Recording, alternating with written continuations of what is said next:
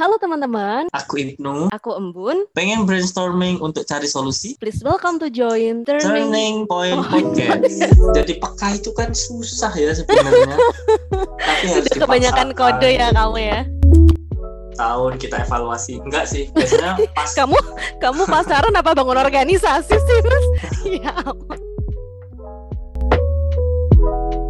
Halo teman-teman, selamat hari yang luar biasa, hari yang produktif hari ini. Dan tentunya ketemu lagi sama aku, Embun, dan juga bersama partner yang selalu setia menemani teman-teman semua di sini. Halo Mas Ibnu. Halo Bun, halo teman-teman. Gimana kabarnya? Semoga sehat selalu. Wah, Oh, kamu udah template banget ya jadi petugas Indomaret. Tinggal selamat datang. Selamat bergabung di tetetet.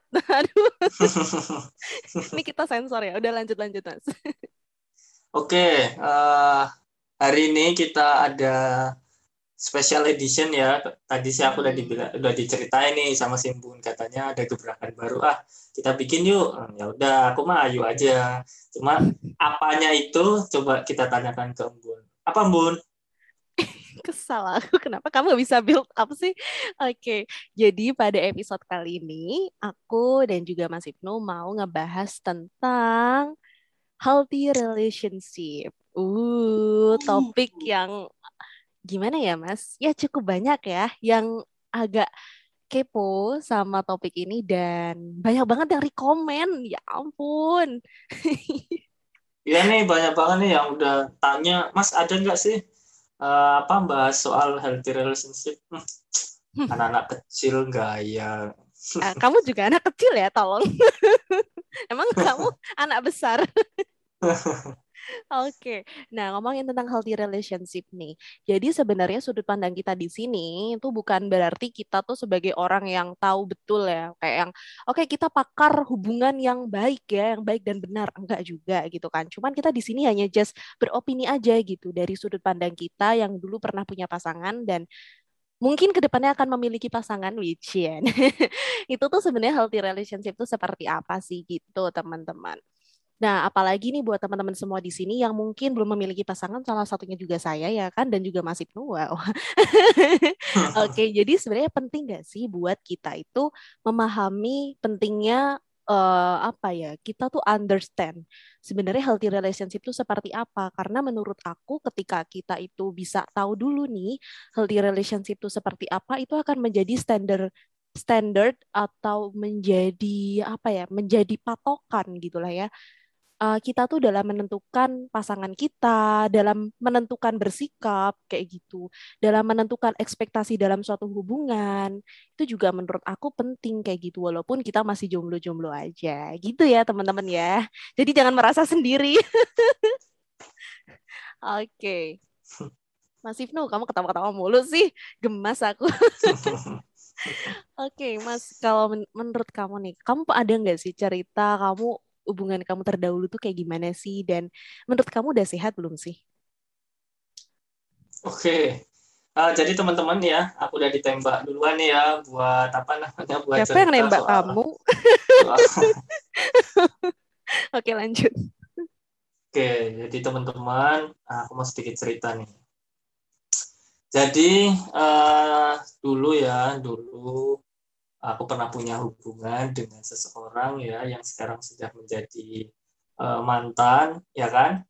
Nah, jadi kurang lebih kurang lebih berjalan selama empat tahun ya, kurang lebih selama empat tahun. Jadi ya Uh, mantap, eh, mantap. dari S1 sih ya, dari S1 sampai selesai, awal mulai sampai eh, lulus itu sama sama dia gitu kan. Tapi karena Waduh.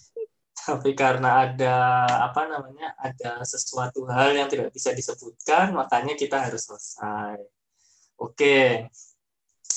Eh kalau waktu itu yang aku rasakan Hmm. eh, health atau enggaknya ya health tapi tidak 100% ya.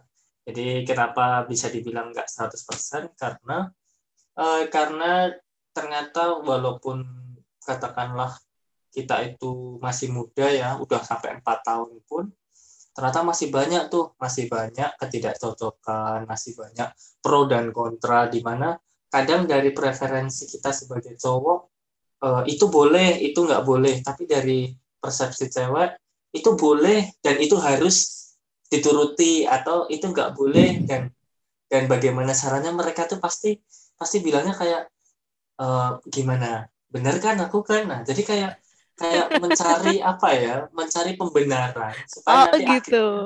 akhirnya, akhirnya dari yang cowok itu kayak ya udah ya gitu oh iya oh, padahal padahal dalam hati pasti cowok tuh merasa kayak enggak kan bisa jadi kayak gitu jadi waktu itu sehatnya kalau menurutku yang paling berkesan itu adalah ketika kita sama-sama uh, punya ide, punya ide yang diobrolin bareng-bareng, terus itu diimplementasikan. Contohnya kalau dulu kita itu kayak apa namanya kayak uh, apa ya dulu in kegiatan tiap hari Jumat itu kita berbagi. Nah nanti wow, uh, di, ya gitu. Jadi uh, menurutku itu benar-benar yang kita rancang bareng, kita jalani bareng, dan itu kita konsep bareng-bareng. Itu menurutku hmm. sisi yang paling sehat. Termasuk pas diskusi ketika dia, ketika akunya bisa mengutarakan pendapat dengan sebagaimana aku cowok, terus dia mm-hmm. berusaha berusaha menerima pendapat itu walaupun dia pasti nahan ya, pasti nahan kayak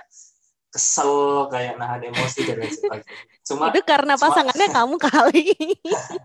ya bisa jadi sih nah, cuma untuk nggak sehatnya adalah mungkin tadi ya lebih kepada kayak uh, ketika menjalani hubungan tuh kayak cewek itu pasti ingin merasa dihargai merasa disupport uh, dan merasa di ngertiin padahal padahal uh, kita sebagai cowok hanya bisa melakukan ya yang kita bisa aja gitu yang kita tahu. Pasrah jadi, sekali kamu. Iyalah jadi peka itu kan susah ya sebenarnya. Tapi harus kebanyakan kode ya kamu ya. Iya. Terus habis itu uh, kira-kira sih gitu ya mamaknya dari sisi yang paling berkesan. Kalau dibilang health 100% enggak juga. Pasti ada pasti ada uh, sisi-sisi yang menurutku itu dilakukan atau dilalui secara enggak sehat sih. Kamu pernah kamu, uh... pernah pernah pernah mungkin pernah ya kamu dalam uh, di masa lalu atau sekarang misalnya punya pasangan gitu kan? Uh, pasti pernah di mana uh-huh. Berantem itu pengennya cuma diem tapi sebenarnya nggak pengen berantem gitu. Pasti pernah. Gimana tuh? Bisa dideskripsikan lebih lanjut nggak ya? Jadi jadi uh, tuh kayak kayak pengennya tuh di ngertiin karena judulnya ya karena judulnya tuh cuma pengen di ngertiin aja. Jadi kayak oh gitu. Ya terus uh, terus aja terus salahkan aja cewek terus terus mas. Iya dong aku bikin kan, demo. Aku kan kaum Adam jadi yang membela Adam. Enggak enggak. Enggak. Kaum Hawa sini kumpul. Di mana ada kaum Hawa? Udah kalian udah denger kan? Ini udahlah ini podcast ini ngomongin healthy relationship ujung-ujungnya nggak healthy ya. Kalian yang denger. Aduh aduh ya jadi tanggapanmu gimana kamu nanggapinya gimana emang dari pernya dari pernyataanku aja lah soal healthy relationship apalagi yang pernah tak jalani gitu. Oke, kalau menurut aku, aku mau nanya dulu sama kamu sih justru. Hmm. Menurut kamu, healthy relationship kapan sih kamu tuh mengatakan hubungan kamu itu adalah hubungan yang sehat? Oke. Okay. Dan sehat? Hmm uh, itu nggak bisa datang kayak kita rencanain tiap bulan atau tiap tahun kita evaluasi. Enggak sih biasanya pas kamu kamu pasaran apa bangun organisasi sih mas? Ya nah makanya jadi kayak uh, apa namanya itu pasti pas pada momen-momen tertentu sih kayak misalnya loh kok tiba-tiba dia kayak gini ya. Nah itu kayak wah aku kayaknya ngerasa ini hubungannya sehat banget. Jadi kayak lebih ke Waduh. feel ya lebih kepada feel saat terjadi atau uh, beberapa waktu belakangan. Kalau menurutku sih kayak gitu. Nggak bisa yang nggak bisa yang kita jadwalkan tiap bulan untuk dievaluasi sih nggak bisa. Kalau sih gitu. Ya kali. Itu kamu pacaran bukan bangun organisasi. Nggak rapat ya mas? Ya aduh. Gimana sih? Oke empat tahun ya luar biasa lama banget ya. Hmm. kalau aku kalau aku tuh uh, sebenarnya aku nggak cukup banyak ya mas pengalaman di dunia perrelationshipan Cukup cuma pacaran cuma sekali doang dan gitu habis itu aku sekarang jomblo kena kutukan aku masih ya ampun. Ini buat yang suka mengutuk kebun savana nikahnya lama, aduh kalian jahat emang. Oke, okay. hmm, kalau aku pribadi, dulu aku juga pernah sih pacaran sama orang. Ya mungkin siapa tahu mantan aku lagi dengerin podcast ini akan lagi panas dia, lagi panas. Oke, okay. nah um, pacaran aku nggak jauh beda lamanya sama Mas Ibnu, tapi pacar aku juga dulunya bukan Mas Ibnu ya. Soalnya beda. kita juga beda latar belakang. Uh, dulu aku pacarannya cukup lama, sekitar lima tahun maybe. Uh -huh. Itu dari aku zaman SMA sampai aku kuliah. Gitu. Itu sebelum aku terbang ke negara asing, Wijian. Nah, um, menurut aku hmm, hubungan aku itu nggak aku bilang sehat-sehat banget sih. Dan aku juga nggak menyesal gitu. Maksudnya banyak orang yang menyesal kayak, kok kamu kok pacaran Simbun, kok sama dia Simbun, kamu kenapa kamu ngelaluin itu sama dia? Cuma di situ aku juga berpikir, dari situ aku belajar banyak kayak gitu. Maksudnya aku belajar banyak di mana yang pertama nih, aku belajar mengenal karakter seorang laki-laki itu seperti apa sih kayak gitu. Maksudnya karakter yang berbeda gitu kan. Misal kita di dalam keluarga ada ayah, ada adik, ada saudara gitu ya. Itu kan pasti perhatiannya akan berbeda ketika kita sama pasangan kayak gitu. Terus aku belajar banget gimana sih cara menghadapi uh, apa ya? Kadang kan laki-laki itu sikapnya ya. Waduh, ini aku sekarang gantian nih yang ngejudge cowok ya laki-laki itu tipikal yang suka banget dihargai. Suka banget dia tuh jadi sentral atensi. Suka banget dia itu jadi seseorang yang dipahami, yang dihormati banget gitu ya, yang diprioritaskan lah dalam kehidupan perempuan kayak gitu. Tapi ada saatnya juga, terkadang bagi perempuan-perempuan yang alpha woman, waduh ini ya, yang alpha woman, jadi nih mas, alpha woman itu adalah sosok perempuan yang dia itu strong, kuat, atau dia itu menjadi seseorang yang terbiasa jadi leader, seseorang yang biasa terlihat gitulah ya. Itu merasa kayak aku nggak bisa nih dalam hubungan yang ibarat kata kayak satu ini satu pola komunikasi. Jadi aku nurut sama kamu terus-terusan kayak gitu. Tapi dia juga ingin didengarkan pendapatnya kayak gitu. Nah dari situ juga um, aku juga belajar juga sih kayak gimana sih kamu menempatkan diri kayak gitu dalam suatu hubungan? Apakah dalam suatu hubungan itu penting sih ada apa namanya nih? Um, jadi kayak ada kesetaraan gitu loh, Mas. Kesetaraan di sini bukan berarti hmm. kayak oh laki-laki harus uh, laki-laki bekerja, cewek bekerja gitu ya. Bukan begitu menurut aku. Kesetaraan itu lebih ke kayak memberikan kesempatan kesempatan untuk sama-sama berkembang. Itu yang aku pointless banget dulu. Dan kebetulan aku pribadi orangnya sangat cemburuan. Itu aku ya. Aku tuh orangnya dulu tuh cemburuan banget waktu zaman SMA ya siapa sih ya yang nggak ngerti kan zaman zaman cinta monyet gitu kan. Ada cewek nge DM dikit terus nanti ditanya-tanya gitu kan. Kayak hei itu siapa tuh yang DM gitu kan. Kok kamu gitu sih sama dia?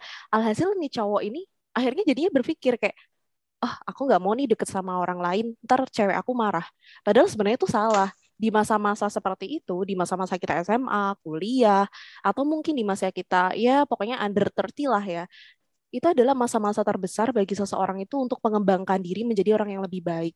Masa-masa terbesar bagi seseorang itu untuk upgrading diri. Ketika kita melimitasi seseorang, berarti sama saja kita itu melimitasi kesempatan dia untuk menjadi orang yang lebih baik kayak gitu. Padahal hmm. sebenarnya kalau misalnya dipikir lebih lanjut nih Mas, ketika aku sama-sama memberikan kesempatan untuk dia lebih berkembang, dia memiliki network yang lebih luas, dia misalnya si cowok ini dia memiliki kesempatan untuk bekerja dengan waktu yang lebih lama walaupun resikonya nih mungkin buat teman-teman perempuan ya sering banget yang kayak ini kok ngebales chat lama sih ngechatnya singkat sih dia nggak perhatian banget sih well menurut aku ya itu resiko kayak gitu tapi kan kamu juga harus berpikir di balik kamu memberikan apa ya memberikan kebebasan itu kamu tahu uh, setidaknya membuat dia itu berkembang menjadi yang lebih baik.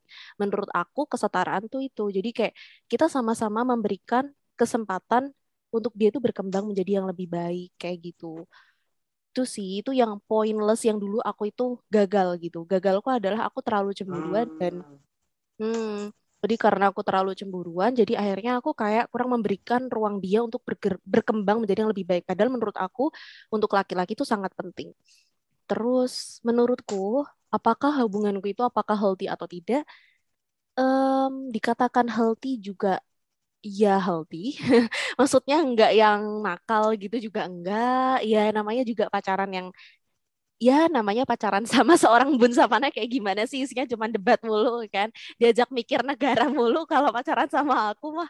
Terus um, kalau dibilang unhealthy unhealthy-nya menurut aku karena aku banyak melakukan kesalahan di situ. Kayak aku terlalu cemburuan, overprotective, terlalu mungkin buat perempuan perempuan-perempuan di sini yang alfa mungkin terlalu dominan dalam suatu hubungan, terlalu apa ya? terlalu manja sih menurut aku manja itu perlu ya gitu. Untuk nge, apa ya untuk memberikan kesan sweet dalam suatu hubungan. Tapi kalau teman-teman terlalu yang gimana ya terlalu kayak selalu ingin dimengerti terus menurutku itu bukan deal best deals lah ya dalam suatu hubungan. Gitu sih Mas Ibnu. Nah makanya jadi apalagi kayak misalnya kita cemburu gitu kan. Ya sebenarnya wajar sih wajar buat cemburu. Tapi ketika itu sudah masuk ke tahap berlebihan. Menurutku nggak worth it banget sih itu untuk untuk dikatakan sehat gitu kan. Karena ya mungkin katakanlah itu pas kita remaja ya pas kita benar-benar yang ya dunia milik berdua lah ya Aduh. orang lain gitu kan. Tapi di sisi lain kita tuh kayak melakukan kesalahannya adalah nanti kita sadari ketika dewasa bahwa ngapain ya dulu aku kayak gitu ya. Kenapa sih aku nggak yang yang apa namanya nggak yang biasa aja gitu. Nah, menurutku uh, itu karena menurut karena pengalaman ya, karena kita nggak pernah, terus kita benar-benar pas lagi uh, sayang sama orang, jadi kayak lagi sayang sayangnya ya, mm -mm, kayak nggak boleh nih, nggak boleh, nggak boleh ini, nggak boleh itu. Nah, jadi jatuhnya ya bisa dibilang akan menimbulkan kayak kita tuh jatuhnya kayak apa ya? Eh, pengganggu ya, bukan orang yang care tapi Aha, pengganggu. Jatuhnya malah. kita sendiri malah justru toksik gitu loh. Hmm, nah itu ngomong-ngomong soal toksik nih, kamu hmm. pernah nggak selain karena cemburu hmm. itu hmm. uh, kelakuan toksik lain yang pernah kamu lakuin ada nggak? Kok kelakuannya aku sih? hmm, kalau aku pribadi kalau toksik ya, sebenarnya kalau misalnya dalam selama ini aku punya hubungan itu nggak pernah ada kayak influence yang negatif gitu sih. Hmm. Justru lebih ke kayak gini. Hmm, terkadang gitu ya banyak orang-orang yang kayak ih kok habis pacaran sama dia kok jadi nakalan sih maksudnya kayak hmm. uh, kok kamu jadi kayak lebih berandal sih atau kayak ya pokoknya lebih negatif gitu jadinya toksik atau mungkin buat teman-teman yang menjalani suatu hubungan sering banget dimarahin sama pacarnya diintimidasi kayak gitu mungkin ya itu terus teman-teman akhirnya jadi mental breakdance ya jadi kayak gampang emosi gampang mungkin bisa jadi jadi pribadi yang lebih tertutup pemalu jadi suka mengunder pressure diri sendiri. Menurut aku itu juga bisa jadi tanda-tanda kalau misalnya dalam hubungan kamu itu toksik kayak gitu. Sebenarnya simpel sih menurut aku. Kapan hubungan itu dirasa toksik ketika ini sih kayak ketika dia tuh nggak baik buat kita. Udah sesimpel itu kadang-kadang ya hmm. teman-teman ya aku juga ngerasain sih mas kayak aku tahu dia baik kayak gitu. Maksudnya aku tahu seseorang yang pernah bersama aku itu adalah orang yang sangat baik dan aku juga baik. Tapi terkadang apa yang baik itu tidak harus bersama. Ya ada baiknya juga dia orang baik ada dalam hidup kita itu untuk membuat kita menjadi lebih baik. Walaupun pada akhirnya menjadi bersama itu tidak akan selalu selamanya baik. Nah, gitu deh kata-katanya. gitu. Oke, Pak. Iya sih. Uh, apa namanya? Aslinya ya, aslinya kita tuh mungkin pas masih sendiri ya, belum yang punya perasaan lebih sama seseorang tuh bisa jadi itu kita bisa mencapai versi terbaik kita dalam tempo waktu dekat. Itu kayak kita tuh udah deket tapi uh, dari target kita atau dari versi kita yang lebih baik tapi karena di tengah jalan ya di tengah jalan kita namanya uh, apa punya punya perasaan ya terus kita mm-hmm. tertarik sama seseorang akhirnya kita milih ya belok dulu lah belok aja dulu. Siapa tahu versi terbaik kita bisa dicapai dengan lebih cepat lagi. Nah ternyata ya macam-macam. Ada yang ada yang bisa tercapai ada yang enggak. Cuma uh, pada saat itu pada saat uh, apa pada saat aku jalani hubungan itu menurutku uh, aku dari uh, menurutku titik-titik di mana aku ngerasa bahwa itu hal positif ya yang aku lakukan adalah di mana aku minim satu aku nggak ngerasa kesepian ya yang pertama dua hmm. aku aku selalu punya supporter tetap ya jadi aku punya support system ya support okay, system okay. di mana baik kondisiku lagi nggak oke okay, atau kondisiku mm -hmm. lagi oke okay,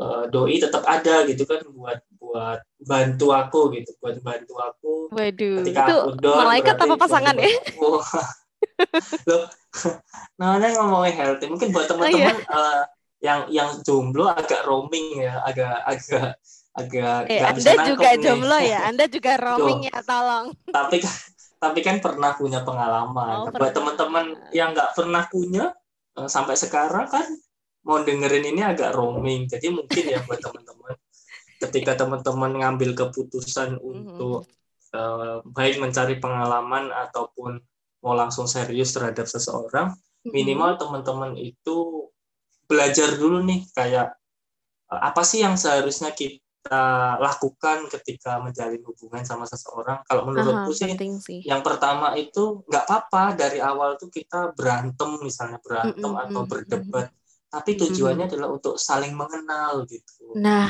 saling iya iya mengenal benar, satu benar, sama benar. lain gitu. Menurutku mm titik awal paling penting adalah itu. Baru nanti next step ya tinggal ini aja kita jalani. Setidaknya kita setelah mengenal itu kita nggak nggak canggung nih kita nggak canggung buat ngobrolin ke depannya mau gimana gitu. Nah, benar-benar, benar banget Mas Ibnu. Terkadang tuh konflik itu dalam suatu hubungan itu juga sehat sih. Karena konflik itu yang mendewasakan kita, Wejian. Yang akan mendewasakan suatu hubungan kayak gitu. Kalau misalnya dalam hubungan itu nggak pernah ada konflik, so gimana caranya kamu kamu membuktikan bahwasannya hubungan kamu itu pantas? Hmm, hmm, hmm, ya nggak sih jadi kayak kayak kamu juga mikir dong kayak ke depannya ya kan hidup itu nggak selamanya smooth kan. Walaupun ya mungkin kita bisa bilang sih kayak ah, aku kan udah kenal sama dia udah 10 tahun lima tahun 8 tahun berapa tahun gitu ya mungkin berabad-abad. Tapi kan kamu nggak bisa make sure kalau misalnya kamu tahu dia sepenuhnya gitu. Bahkan orang-orang yang sudah berkeluarga pun sampai 50 tahun dia juga Ya, mereka pun juga masih dalam masa saling mengenal sih. Oh ya, anyway nih aku habis searching ya. 10 tanda jika teman-teman itu berada dalam hubungan yang sehat. Wah, luar biasa. Ini dari IDN Times. Yang pertama, jika kalian itu bisa menghargai waktu masing-masing. Kedua, hmm. ketika kalian bisa saling menerima kekurangan. Ketiga, kalian bisa mengapresiasi apa pun yang ada dalam diri pasangan kalian maupun itu at least lah hal kecil kayak gitu. Keempat, ketika kalian tuh sama-sama terbuka dalam mengal dalam menghadapi suatu perubahan kayak gitu. Kelima, yang pasti tadi ya apa yang dikatakan Mas Ibnu, kalian bisa saling mendukung kayak gitu. Udah. Oh ya, enam, tidak mencoba mengendalikan pasangan. Nah, ini penting banget nih teman-teman. Jadi, nggak boleh ada yang sentral atensi kayak gitu di dalam suatu hubungan. Ya udah, keduanya harus sama-sama didengarkan, keduanya juga harus bisa sama-sama mengerti kayak gitu. Nggak ada yang mendominasi dan nggak ada yang mengintimidasi. Ketika teman-teman merasa dalam suatu hubungan ada yang mendominasi atau mengintimidasi, teman-teman harus pahami bahwa itu adalah symptoms kalau hubungan kalian tuh nggak sehat kayak gitu. Terus, hmm, benar banget ini aku lanjutin dulu nih. Nah, lanjutin. ini berarti kalian sudah mendengar ya ini hubungan gak sehat nih. Oke, lanjut. Lanjut. Jadi kalian juga sama-sama menjalin komunikasi. Nah, ini nih yang dulu aku sempet aku ngerasain ada hubungan yang gak sehat gitu ya. Jadi laki-laki itu terkadang tipikal yang daripada aku mengutarakan kebenaran dan membuat dia marah, lebih baik aku diem dan aku pergi, aku menghindar akhirnya dia diemin sebulan dua bulan tiga bulan. Dan itu aku pernah mas waktu itu. Yang itu kayak buat aku perempuan aku ngeras aku juga tipikal orangnya aku nggak bisa ketika aku salah tuh aku didiemin. Aku lebih suka kamu ingetin gitu kok kamu ya? Maksudnya orang lain ingetin gitu aku lebih suka diingetin. Karena buat aku memendam suatu masalah tuh kayak itu sesuatu yang menyakitkan. Apalagi bersama orang yang kita cintai atau kita sayangi kayak gitu. Kedelapan uh, symptoms kalau hubungan kalian itu uh, sehat adalah kalian bisa saling percaya. Belum tentu loh kalian hubungan lama banget tapi kalian bisa percaya sama pasangan kalian. Kesembilan, tentunya kalian bisa menjadi diri sendiri buat pasangan kalian. Kalian nggak sama sekali nggak ngebuat-buat di depan pasangan kalian kayak gitu. Ya udah, dia bisa menerima kamu dan segalanya kamu gitu. Yang ke sepuluh, kalian harus bisa sama-sama meminta maaf dan juga memaafkan. Jadi kayak konflik itu wajar, tapi kalian juga harus bisa mudah untuk meminta maaf dan memaafkan gitu. Gitu sih, Mas. Uh, tipsnya oke banget nih. Uh, mungkin buat teman-teman yang sedang menjalani hubungan bisa ya untuk sedikit demi sedikit coba dipraktekin ya. Tapi buat teman-teman yang uh, roaming tadi ya, yang belum, aku juga roaming nih mas. mungkin uh, bisa ini ya ketika lagi mungkin lagi serak nih, lagi serak sama uh, hmm. salah satu manusia gitu kan, ya, salah satu benar-benar.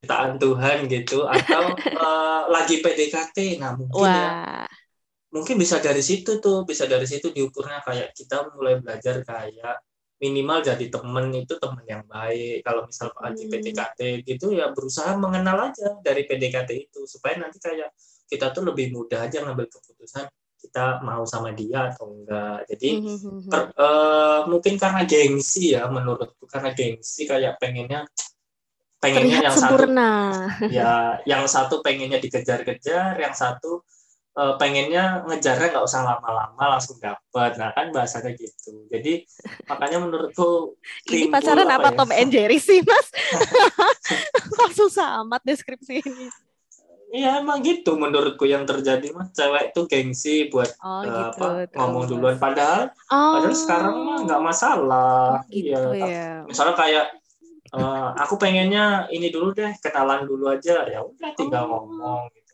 Kan mereka pasti jarang mau ngomong. Paling ya jaim gitu-gitu oh, aja. gitu. Oh iya ya kau hindir saya? Hah? enggak nah aku mau nanya nih mas sama kamu kamu kan sebagai cowok ya. hmm. ya apalagi kamu sekarang di usia yang maksudnya bisa dikatakan udah nggak yang kayak cinta monyet gitu lagi lah ya gitulah hmm. maksudnya nah menurut kamu pasangan yang baik menurut kamu yang baik untuk di masa kamu tuh yang seperti apa sih? Pasangan yang baik ya. Hmm, yang aku kalau di usia saat ini sebenarnya lebih kepada uh, pemahaman sih kayak pemahaman misalnya nih uh, dari awal biasanya kalau misalnya aku mau deketin tuh pasti aku ngomong sama dia kerjaanku ini kalau dulu pas mahasiswa ya los aja Kenapa kamu deketin. harus mengawali dengan pekerjaanmu ini? iya dong, uh, harus kompromi gitu. Aku dari awal pasti harus menceritakan aku dulu. Aku sih nggak care ya dia mau cerita seutuhnya atau enggak. Oh gitu, oh, luar biasa. Yang pasti aku nyeritain aku dulu. Dia hmm. mau denger atau enggak, atau dia akhirnya mau uh, melanjutkan untuk uh, proses pendekatan atau enggak sih terserah.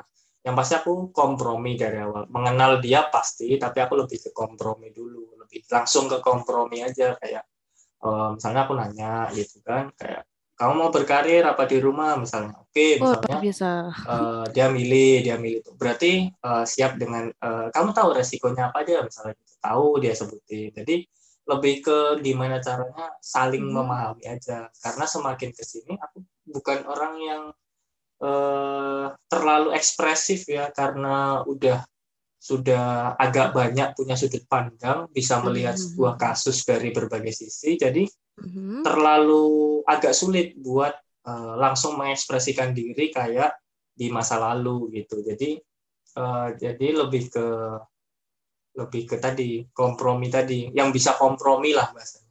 Dan menurutku bisa uh, bahasanya apa ya? Bukan memahami, tapi lebih kepada kayak uh, tahu waktu lah bahasanya tahu waktu gitu tahu waktu dan tahu kondisi gitu waduh Keren, keren, keren.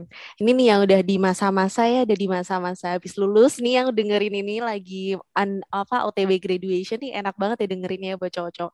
Oh berarti nanti gue bisa di fase itu ya, gue bakal mencari cewek yang bakal bisa gue ajak kompromi, bisa ajak mikir waktu gue gitu kan. Uh. Ya nih uh, teman-temanku yang cewek tuh, yang satu angkatan sama aku tuh biasanya mm -hmm. pada wah enak ya habis lulus kayaknya langsung nikah hmm, kalau ngomong nggak gitu ya Anda lulus harus berusaha keras ya. iya, kalau ngomong sembarangan emang. kalau ngomong sembarangan. Oke. okay. Uh, eh, nah, Mas, kalau misalnya kamu nih, Mas, um, Tadi kan kita ngomongin tentang standar ya. Menurut kamu, apakah kamu memiliki hubungan masa lalu itu membuat kamu memiliki uh, perspektif baru di hubungan kamu ke depannya? Dan apakah hubungan kamu di masa lalu, mungkin kamu pernah merasakan sakit-sakitnya masa lalu itu me menjadi boundaries. Boundaries itu um, menjadi hambatan untuk kamu menerima orang baru. Kayak gitu. Hmm, saya, saya aku kurang paham coba coba lebih lebih detail coba atau lebih gambarannya lebih lebih gampang coba gimana okay. gimana ulangi coba Oke, okay. misal nih Mas, kamu kan mm. um, kamu kan udah pernah nih ya ngejalanin hubungan di masa lalu gitu kan. Nah, itu kan mm. pasti ada nih uh, sisi negatifnya gitu kan.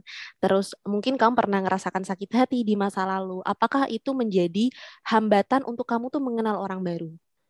Kayak gitu. Hmm. Example nih, misal dulu ya, kalau aku pribadi karena aku punya background keluarga yang broken home kayak gitu, aku jadi punya hambatan untuk mengenal laki-laki yang baru dalam kehidupanku kayak gitu. Kayak ngerasanya ih takut ih kayak gitu.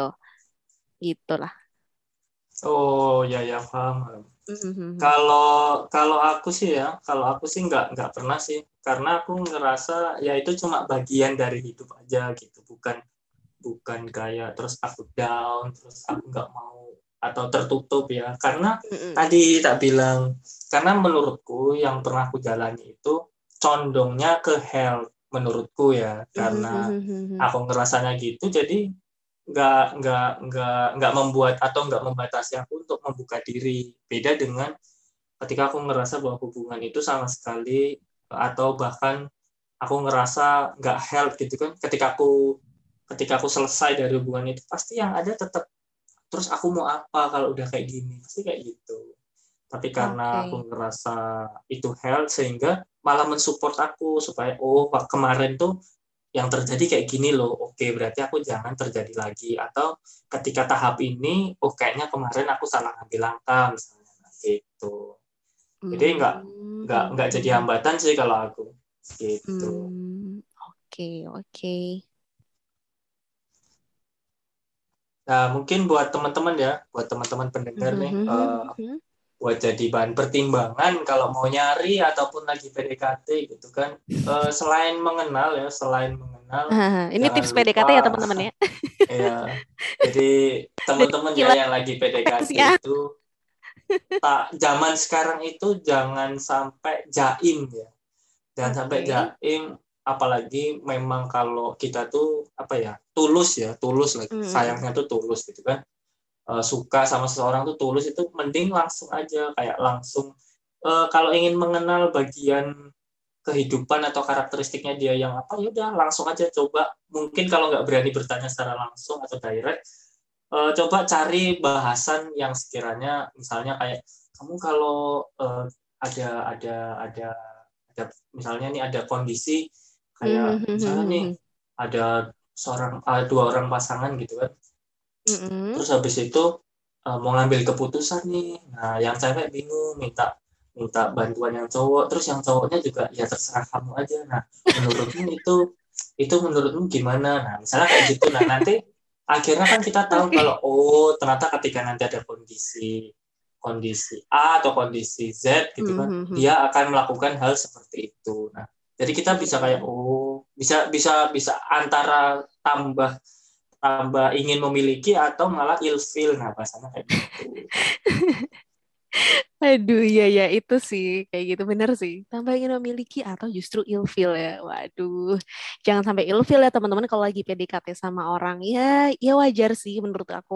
PDKT kadang nanti gagal, kadang build up lagi. Mungkin buat teman-teman semua di sini yang lagi ikhtiar ya mencari jodoh gitu kan, kayak yang bangun gagal lagi bangun gagal lagi. Ya it's okay. Setidaknya uh, kita tuh udah berusaha kita udah mencoba gitu nggak sih mas bener ya? Yo, hmm. dari orang yang sering ditolak. Aduh aduh. Oke. Okay. nah nih mas um, kalau menurut kamu nih um, penting nggak sih buat kamu memiliki kriteria pasangan idaman atau kamu lebih memilih lebih baik aku memiliki kriteria pasangan yang dibutuhkan? Yang kedua Oke. sebenarnya. Oh ya bentar, Hmm. weh. Jangan Oh, dijawab dulu. Iya, iya, iya. Oke, yang kedua pertanyaannya adalah penting eh, menurut kamu pasangan idaman versi kamu seperti apa? Oke, ini menurutku ya, Bun. Ini kan Iya. kita episodenya kayaknya kayaknya sesi ini layak diperpanjang deh. Mungkin kayaknya next episode aja lah. Ini mah bagiannya udah masuk ke tengah ini mah. Ih, jangan. Segitu dulu dong. Nanti kan yang selanjutnya bisa lebih lanjut lagi. Kan kamu bisa kasih poinnya. Oke. Apa tadi kriteria ya? Iya, maksudnya kamu lebih memilih kriteria yang kamu butuhkan atau kamu inginkan di masa sekarang dan kriteria pasangan idaman kamu seperti apa? Hmm, kalau secara umum ya, kalau secara umum kriteria itu lebih kepada kalau bisa sih yang kita yang kita inginkan dan kita butuhkan ya. Jangan sampai salah satu lah. Pasti nanti nggak nggak nggak apa kita nggak tulus kok, nggak sepenuhnya tulus. Sebenarnya kalau orang bilang jodoh itu pasti udah diatur emang, tapi kan harus dicari. Nah, ketika kita udah nentuin kriterianya, sebenarnya ada dan tersedia gitu. Ada kok dan tersedia. Tapi kitanya layak nggak dapetin yang kayak gitu, gitu. Waduh, sedih sedih. Jadi sedih. misalnya buat Ya teman-teman kamu yang jangan tuh- minder dong. Waduh. Enggak, loh, enggak. Itu bukan bikin kita minder, tapi lebih kepada kita jadinya bisa nentuin kriteria itu secara lebih pas Realistis. gitu. Waduh, oke Mm-mm. oke. Oh, buktinya kayak eh, katakanlah aku ngambilnya dongak ke atas gitu ya kehidupan kehidupan eh, kalangan elit atau kalangan eh, selebriti biasa. atau entertainment public figure dan lain sebagainya. Eh, pasti yang tak ambil adalah di mana ketika dia pengen punya pasangan ya dia nentuin aku mau yang itu. Nah, gimana caranya dia berusaha supaya memperoleh yang eh, sesuai dengan yang dia inginkan. Dan ternyata eh, kebutuhan yang dia dia perlukan pun juga terpenuhi gitu. Makanya eh, kita nggak boleh yang satu tadi ya patah semangat, dua minder, tiga tapi kita harus tahu di mana posisi kita dan apa yang sebenarnya bisa kita tunjukkan atau yang menjadi nilai positif kita sehingga kita bisa eh, dapetin apa yang kita mau gitu. Iya sih benar. Jadi kita memperbaiki diri dulu sebelum kita tuh di apa ya merasa kita pantas untuk dia. Waduh, memantaskan diri ya buat teman-teman yang masih Mm-mm. sendiri itu penting banget. Oh ya ini aku juga sama sih. Aku tipikal orang yang the biggest competitive. Jadi kayak aku selalu merasa ketika aku suka sama orang, aku selalu, selalu punya pikir. Ini juga pikiran yang mama aku kasih ke aku sih, Mas. Jadi lebih ke kayak kalau kamu eh, punya pasangan, jangan sampai pasanganmu itu bilang dia nggak bangga sama kamu. Kamu harus bisa jadi kebanggaannya dia. So whatever you do, just do it. Yang penting kamu harus bisa jadi yang terbaik buat dia kayak gitu.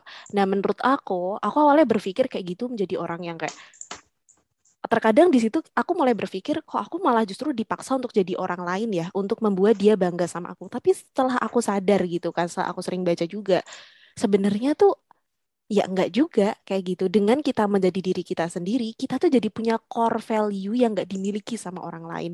Dan di situlah titik di mana kita bisa memberikan ketulusan kita kepada orang lain. Waduh, mantap sekali Bapak. Oke, ada pertanyaan lagi nggak nih Pak? Saya tanya mulu kepada Anda. Apa ya? Ya soalnya kan aku hidupnya lebih dulu ya, jadi kayaknya Oh gitu, kita lebih tahun. berpengalaman aku sih. Oke guys, kalian tentukan pilihan apakah lebih berpengalaman aku atau Mas Ibnu ya. Tolong Oke. kalian tentukan pilihan, besok aku bikin polling. Terserah. Oke. Nah, teman-teman, jadi ini kita ngebahas tentang uh, healthy relationship. Emang agak sedikit berbeda daripada yang kemarin-kemarin. Kemarin-kemarin kita bahas yang saklek-saklek ya.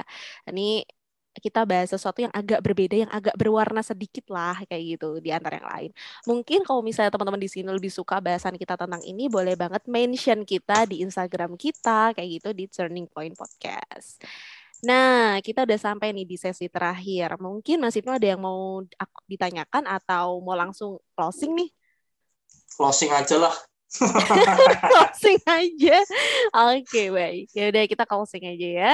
Oke, buat teman-teman semua jangan lupa untuk dengerin terus Turning Point Podcast di Spotify, Anchor maupun di Apple Podcast. Dan jangan lupa buat follow Instagramnya Turning Point Podcast di @turningpointpodcast. Jangan lupa juga buat follow aku Embun Savana di @embun underscore Savana dan juga halo Mas Ibnu kamu di mana? Halo, aku di sini. Jangan lupa teman-teman follow aku di @febrianuribnu. Oke. Oke, guys. Kalau kalian merasa podcast ini bermakna, podcast ini bermanfaat dan menginspirasi, jangan lupa buat share ke teman-teman kalian dan see you on the next podcast. Bye-bye. Bye. Bye.